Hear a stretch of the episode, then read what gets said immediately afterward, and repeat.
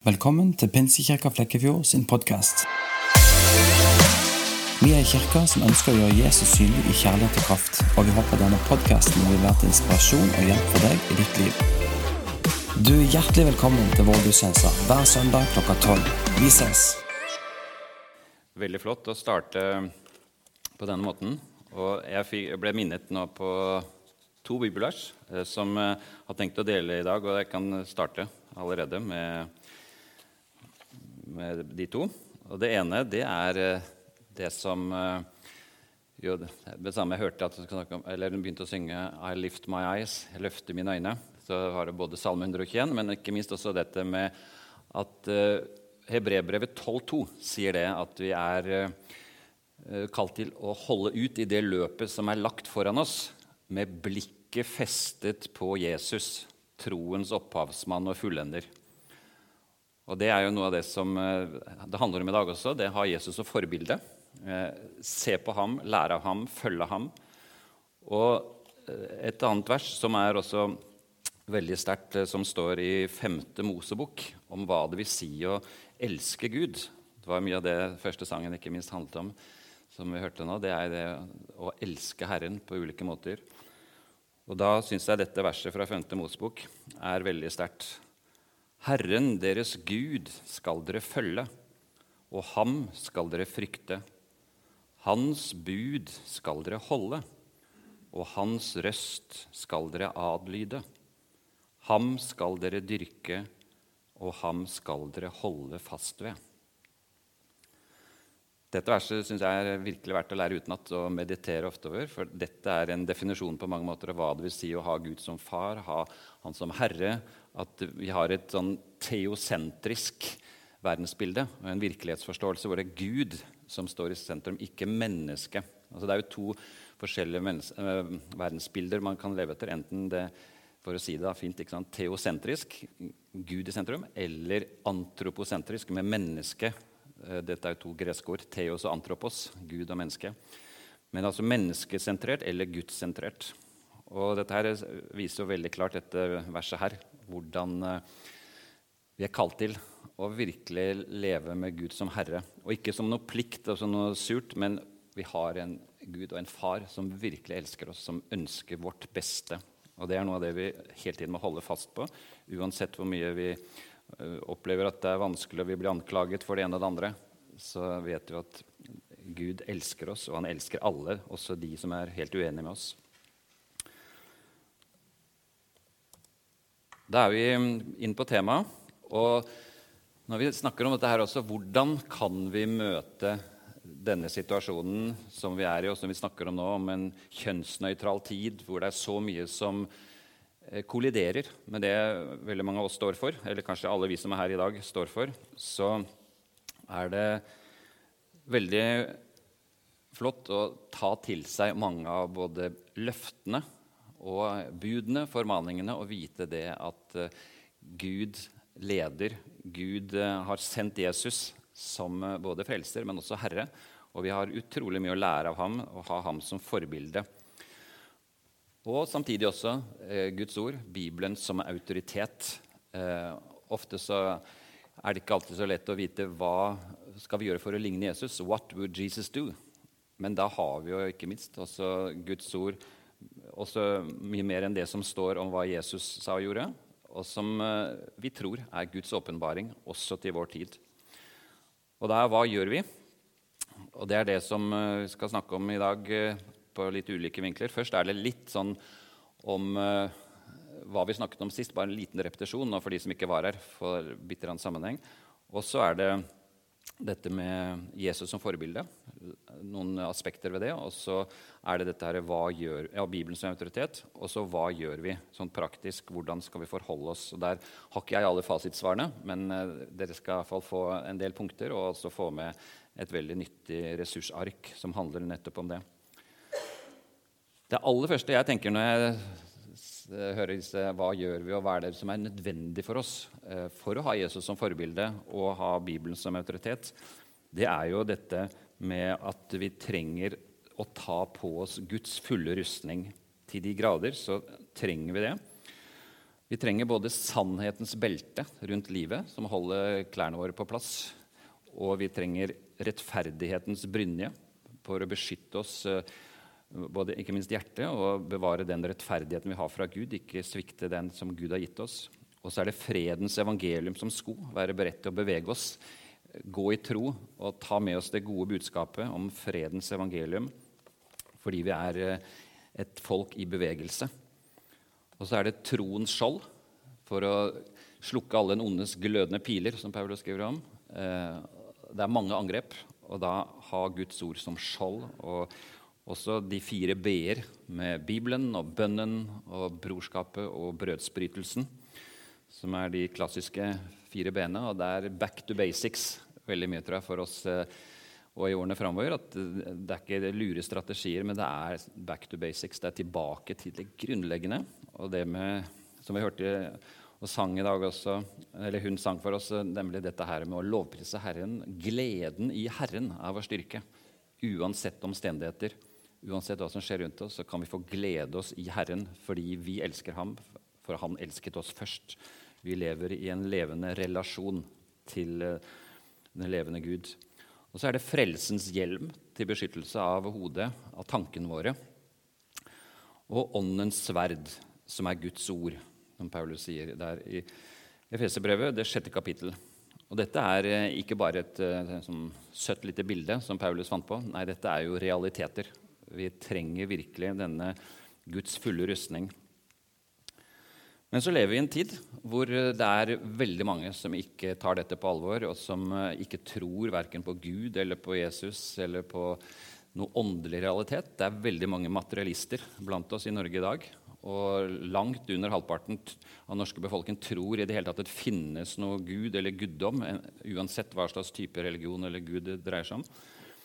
Og vi er jo i et mindretall som Jesus-troende mennesker her i Norge. Og det må vi bare innrette oss etter og vite at det er veldig mange som ikke har samme synet på tilværelsen og på virkeligheten som oss. Og Da er det jo ganske sånn direkte talt inn i vår tid opplever jeg disse to versene her. Første fra rombrevet. De brydde seg ikke om å kjenne Gud. Derfor overga Gud dem til en sviktende dømmekraft. Det ser vi jo rundt oss. at er, Mennesker tror at vi vet bedre. Det fins ikke noen skaper. Vi må bare ordne opp dette sjøl. Og så Jeremia 8.: De har forkastet Herrens ord. Hva hjelper da deres visdom? Det er jo et veldig godt og ransakende spørsmål. Og det gjelder jo også oss selv. Hvis vi forkaster Herrens ord, hvis du sier 'Har Gud virkelig sagt?' Nei, det kan ikke stemme. Vi, vi vet bedre nå i vår tid. Så hva hjelper da vår visdom? Og da, når vi vet, eh, ikke bare vet, men at vi er klar over og og så tar inn over oss at vi er faktisk eh, et mindretall, vi er en minoritet som eh, har en annen konge. Vi har et annet budskap, andre verdier. Og da får det konsekvenser. Og da når vi møter eh, folk som står for noe helt annet enn oss, så er det noe av det vi skal snakke om i dag også, hva vi gjør i den situasjonen. Og da For å repetere litt av det som eh, var forrige gang, uten at det er nødvendigvis de samme powerpoint-bildene dere kommer til å se nå, så har jeg bare tenkt å vise først hva er det egentlig denne pride-ideologien og denne radikale kjønnsideologien består i. Og da er det eh, mange som ikke er klar over, hvis de går sånn i pride-tog eller syns det er så flott med, med, å ha sånne festivaler og, og, og marsjer og sånn, så er det veldig mange som ikke er klar over at det dreier seg om et budskap som sier ja til alt. Budskapet fra Foreningen FRI og veldig mange andre og Pride-paradene er et ja til grenseløs seksualitet så lenge den er frivillig mellom likeverdige personer over 16 år. Budskapet har bl.a. følgende innhold, som kan belegges eh, både fra nettsidene på Foreningen FRI og andre ting de har skrevet. Ja til alle typer seksuelle handlinger og relasjoner, utprøving og praksis. Ja til mange kjønn og til flere titalls kjønnsidentiteter og kjønnsuttrykk. Ja til sex og samliv mellom flere enn to personer. Ja til surrogati. Ja til planlagt farløshet og morløshet. Ja til oppløsning av biologiens betydning for familier og slekt, barn og samfunn. Og så et rungende nei til mor-far-barn-relasjonens særstilling og unike betydning. Et viktig mål for denne radikale kjønnsideologien det er jo å bekjempe den såkalte heteronormen. At det skulle være noe spesielt med mor og far som har felles barn. Mor-far-barn-relasjonen. Heteronormen.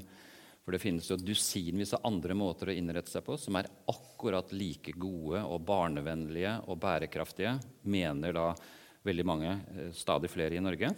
Fordi man har grenseløs frihet som et ideal.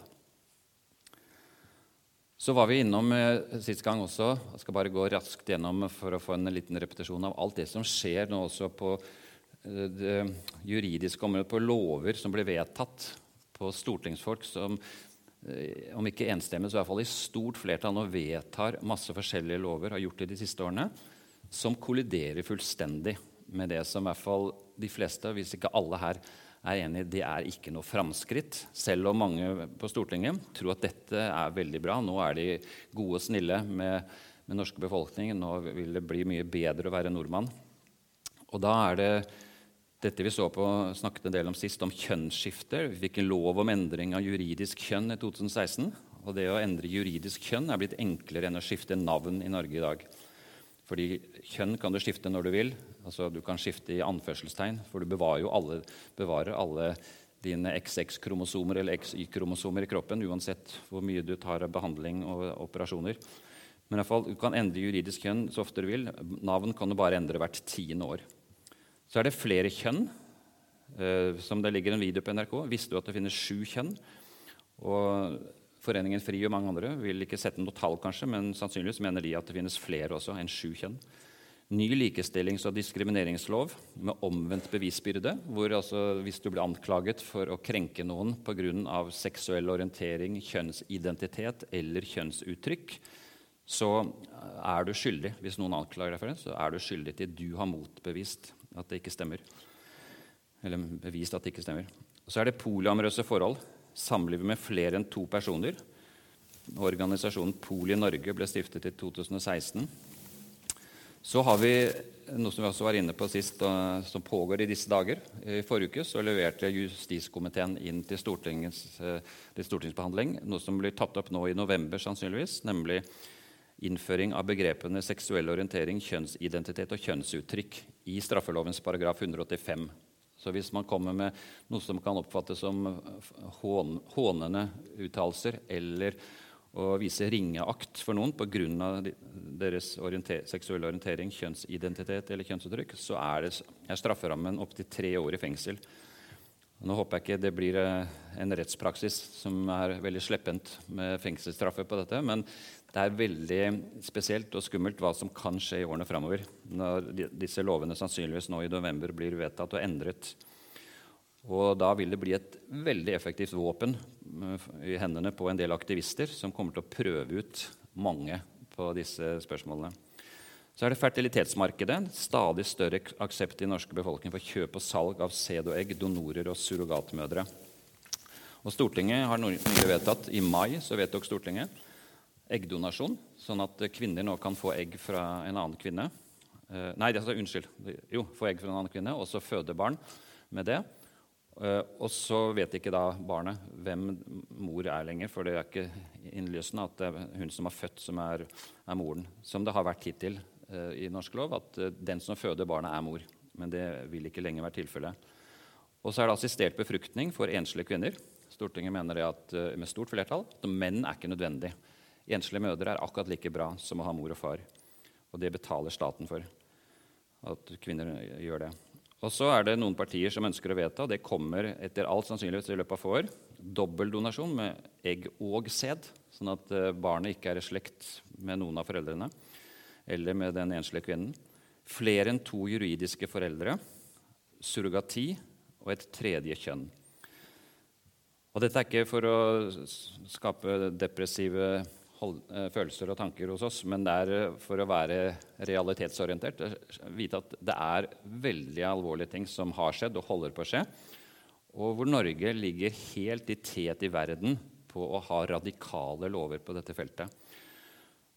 Så noen er jo veldig stolt av det og roser både Stortinget og politikerne. At de hører mer på Foreningen FRI og andre radikale kjønnsaktivister enn de hører på medisinske fagfolk. Og et eksempel på det er jo hvordan Helsedirektoratet og Helsedepartementet nå har i sommer eh, sendt ut til alle fylker og kommuner nye retningslinjer for hvordan man skal behandle barn som er kjønnsforvirret. Nå er det ikke lenger på Rikshospitalet man skal gjøre det. Nå kan det gjøres rundt om eh, på lokalplanet. Og hvor Folkehelseinstituttet sterkt advarte mot det, sa at dette er eh, ting som vi vet så lite om ennå. Vi vet ikke hva som skjer når barn får behandling med hormoner og med andre ting. Og med nei, pubertetsblokkerende midler og kanskje ender opp i operasjoner. Det er altfor lite kunnskap. Dette er eksperimentering med barn. Men det hørte ikke Helsedirektoratet og Bent Høie i Helsedepartementet på. De hørte mer på Espen Perele Benestad og på, åpen, nei, på, Foreningen FRI, fordi de er for. Og så velger da eh, byråkratene i departementet og direktoratet å følge dem i stedet for å følge Folkehelseinstituttets eh, anbefalinger. Og Det sier litt om at det er ideologi som overstyrer fagkunnskapen her. Og det er ideologi som overstyrer all tenkning nå omkring kjønn. Og det er eh, veldig alvorlig. Et eksempel på det punkt 6 der, fertilitetsmarkedet, det er jo noe som står på nettside. En artikkel med råd og vink til eh, norske kvinner som ønsker å få barn i Danmark. Hvordan går du fram hvis du vil ha et eh, barn med en donor fra Danmark? Jo, da kan du finne fram kredittkortet og bestille drømmebabyen, står det i ingressen der under eh, overskriften 'Kjøper seg drømmebarnet'. Der står det følgende.: Ønsker du et barn med en kjekkas med høy utdannelse og mørkt hår? Eller vil du ha en lys og blåøyd baby? Det er bare å finne fram kredittkortet og bestille drømmebabyen. Så barn er ikke lenger noe gave, men det er blitt en handelsvare og en rettighet. Og det er jo, som det står helt øverst på det bildet her, det er et helt nytt syn på barn og foreldreskap.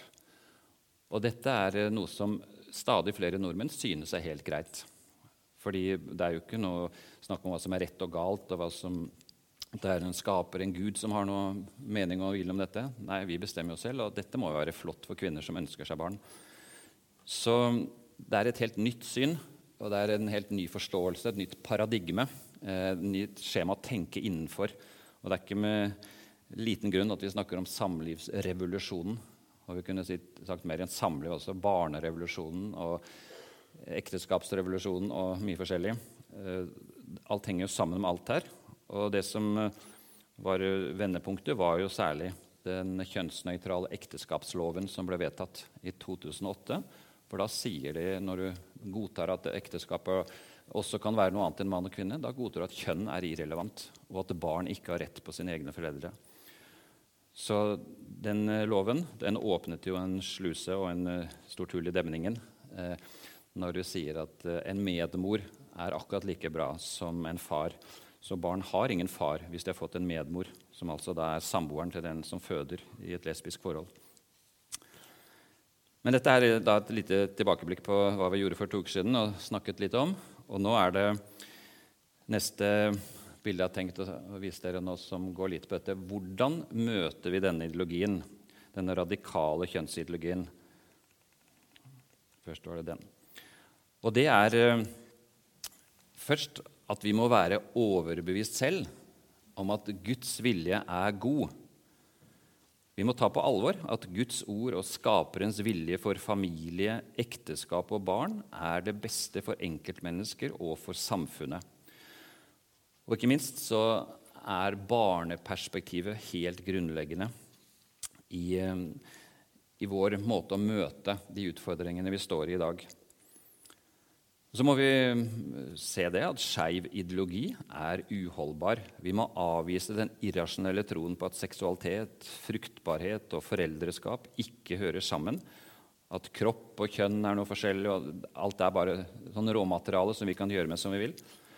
Og vi må også avsløre dette at kjønn er en sosial konstruksjon uten biologisk basis.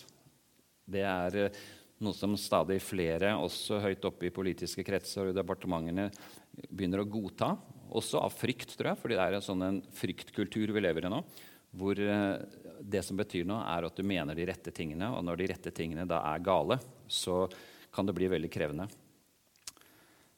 Samtidig så må vi vise respekt. Som kristne så ønsker vi å møte alle som er uenige med oss, med respekt og vennlighet. Vi må skjelne klart mellom toleranse og relativisme. Toleranse betyr at jeg forsvarer din rett til å mene noe helt annet enn meg, til å være dypt uenig. Og jeg håper du også er villig til å forsvare min rett til å være uenig med deg.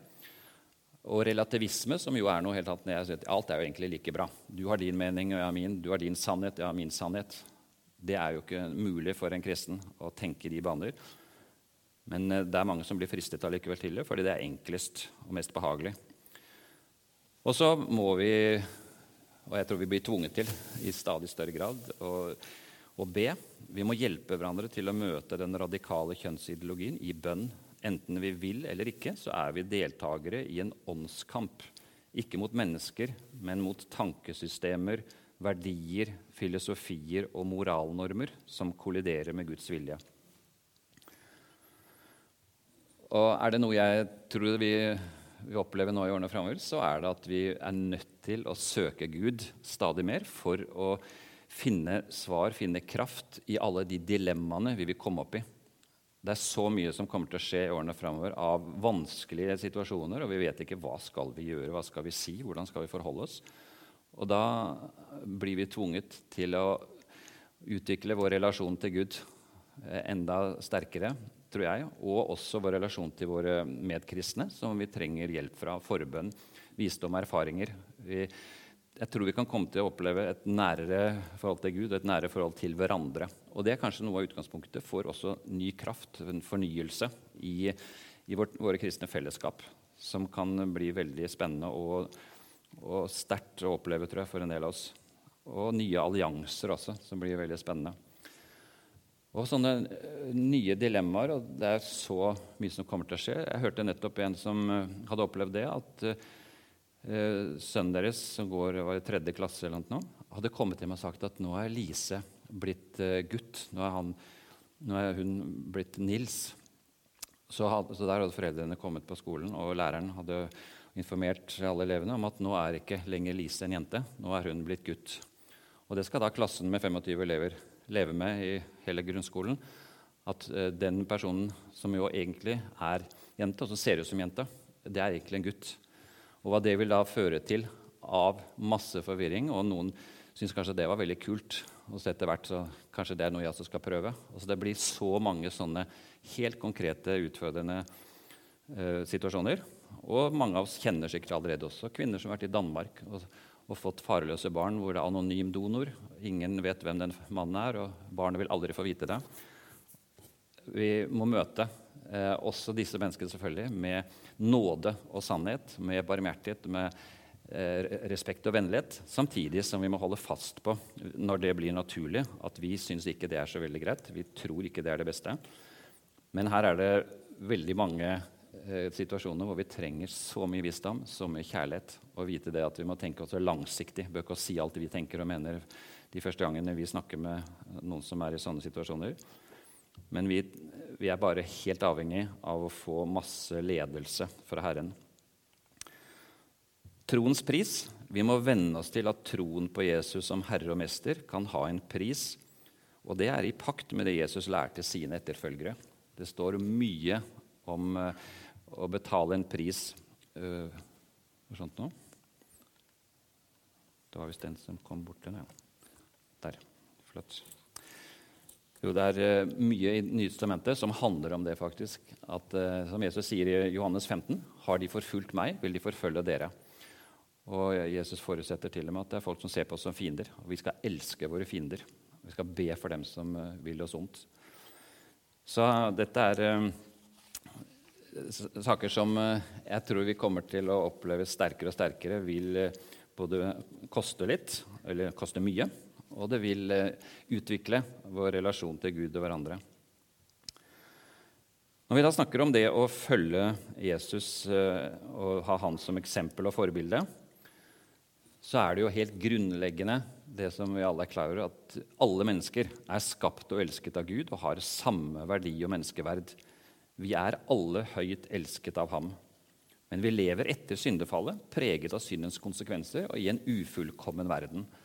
Men det er veldig mange som tror det om oss kristne, at vi tenker om oss selv at vi er bedre enn dem. og Vi ser ned på dem, og vi er liksom en egen klasse for oss selv. Uh, og det er jo fullstendig feil. Vi må hjelpe dem til å skjønne at ja, men du, selv om du er ateist, er også høyt elsket av Gud. Du er akkurat i samme båt som meg. Jeg trenger Guds tilgivelse, og det trenger du også. Men jeg er ikke noe bedre enn deg fordi jeg er kristen. Vi er i samme båt. Og det å vitne om hva Jesus betyr for oss, og ikke vinne diskusjoner, men vitne om hvem vi tror på, og hva vi tror på, og hvorfor vi tror på det, det er eh, så både utfordrende og så bra å ikke ha den holdningen at ja, jeg må være best og jeg skal vinne diskusjoner. Nei, la oss vitne på ulike måter og på vår måte, sånn som eh, Gud viser oss. Så er det dette med nestekjærlighet. Vi er kalt til å møte alle mennesker med Jesu kjærlighet i ord, holdninger og handlinger. Og nestekjærlighet det er jo det å ville andre mennesker vel. Det er ikke det å føle så veldig godt for alle mennesker.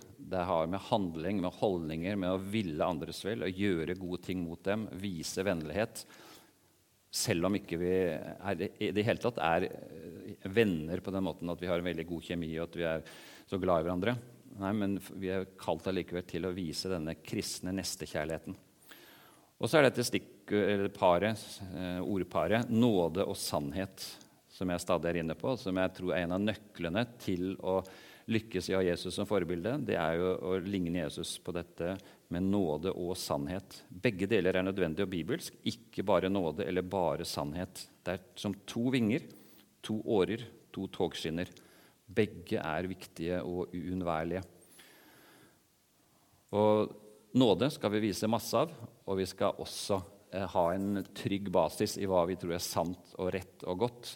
Uten at det alltid behøver å sies, så skal vi møte våre meningsmotstandere og alle mennesker med det Gud virkelig gir oss av nestekjærlighet og av nåde og sannhet. Og Her er noen få stikkord fra Bibelen om nestekjærlighet i praksis.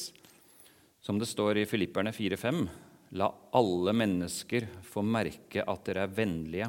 Herren er nær. Så det å møte mennesker med respekt og vennlighet. Og vennlighet det er jo veldig flott, fordi det er en del av det som galaterne 5.22 sier, at det er åndens frukt. La oss prøve oss selv på åndens frukt i våre liv. Kjærlighet, glede, fred, overbærenhet, vennlighet, godhet, trofasthet, ydmykhet og selvbeherskelse. Det sier Paulus er åndens frukt. Og Det synes jeg er et utrolig sterkt bibelvers også med tanke på å prøve seg selv. Et skriftespeil, hvis du kjenner det ordet, som eh, var vanlig i gamle dager. Noe vi speiler oss selv i. Hvordan er dette i forhold til mitt liv? Og det å be regelmessig for disse kvalitetene, som på mange måter er Jesus-kvaliteter, at det skal prege oss mer og mer. Og Jeg vil anbefale alle sammen eh, å skrive de ni ordene på en liten lapp og henge det opp på, gjerne på badero, badespeilet. Så første du ser om morgenen, står opp og begynner å lære det utenat og meditere mens du står og vasker deg over dette, eller ha det på kjøleskapet, ha det hvor som helst. Men at vi stadig jobber med at det er det som er åndens frukt. Det er disse ni kvalitetene. Det er det Jesus ønsker å utvikle i oss. At det skal vokse fram naturlig fordi vi har en nær relasjon til ham. Hvis vi så går på hva som er vår autoritet Vi snakket litt om Jesus som forbilde, og så er det dette med Bibelen som autoritet. Så sier jo Bibelen mye om ekteskap, om familie og barn. Og det som er to av de grunnleggende tekstene i denne sammenheng, det er jo det som står i skapelsesberetningen, og det Jesus bekrefter eh, også i evangeliene. Så først eh, det som er de kjente versene fra første kapittel i Bibelen. Gud skapte mennesket i sitt bilde. I Guds bilde skapte han det. Som mann og kvinne skapte han dem. Gud velsignet dem og sa til dem, Vær fruktbare og bli mange. Fyll jorden og legg den under dere. Derfor skal mannen forlate sin far og sin mor og holde fast ved sin kvinne, og de to skal være én kropp. Dette er oversettelsen fra to, Bibel 2011. Holde fast ved sin hustru kunne like godt stått. Og så bekrefter jo Jesus dette i Matteus 19 og også i Markus 10. Jesus svarte, 'Har dere ikke lest at Skaperen fra begynnelsen av skapte dem som mann og kvinne?' og sa, 'Derfor skal mannen forlate far og mor og holde fast ved sin kvinne,' 'og de to skal være én kropp.' 'Og det som Gud har sammenføyd, skal mennesker ikke skille.' Og så er det det samme som um, går igjen på ulike, ulike varianter gjennom hele Bibelen, fra første Mosebok 1 til åpenbaringen 22, det siste kapittelet i Bibelen, at ekteskapet det er for mann og kvinne.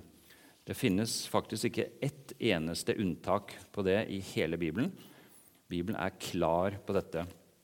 Og det gjelder jo i skapelsesberetningen, det gjelder i ti bud, det gjelder alle mulige eksempler og undervisning eh, og forbilder i eh, Gamle og Nye testamentet.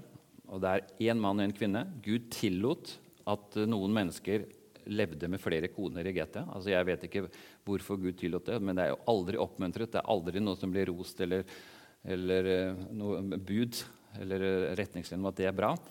Men det er jo veldig tydelig at Guds egentlige plan det var jo én mann og én kvinne, som det står i skapelsesberetningen. Mannen skal holde fast ved sin kvinne, sin hustru, ikke sine hustruer.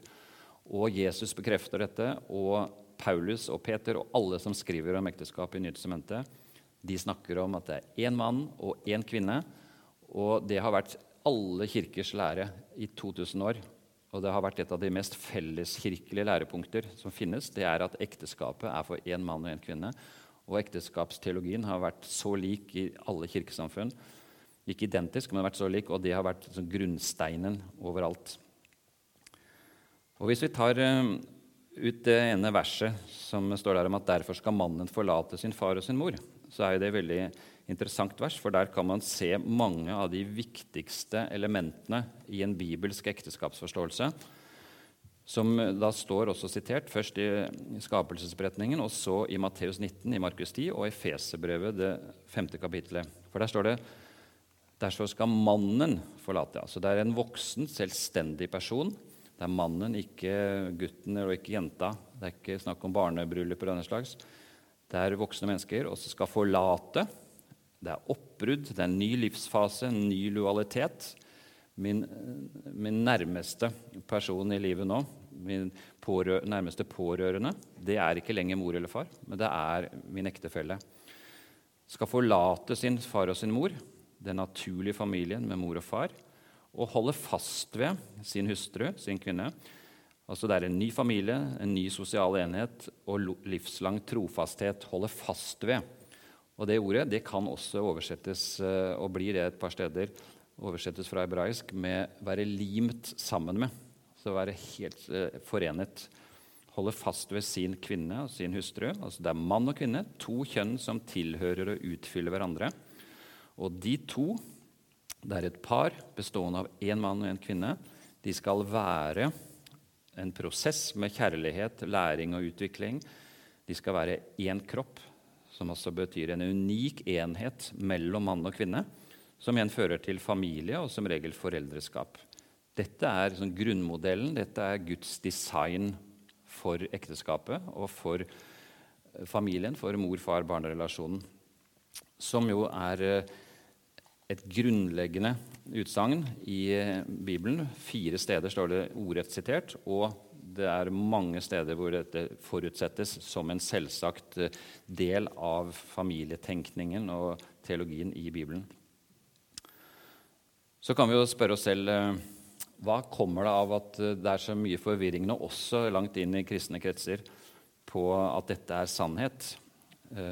Altså, det er ikke mye forvirring i den verdensvide kirke, men eh, blant eh, kristne i en del vestlige land så er det det. Men det er faktisk bare noen få prosent, 2-3 prosent av verdens kristne som tilhører kirkesamfunn som har omdefinert ekteskapet, sånn som Den norske kirke har gjort. Så Den norske kirke er jo et bitte lite mindretall i den verdensvide kirke. Og det er jo litt uh, interessant å huske på også for oss selv når vi føler at uh, vi som er mindre og mindre minoritet, så er vi ikke det i verdenssammenheng. Der står vi sammen med i hvert fall over 95% av våre trossøsken.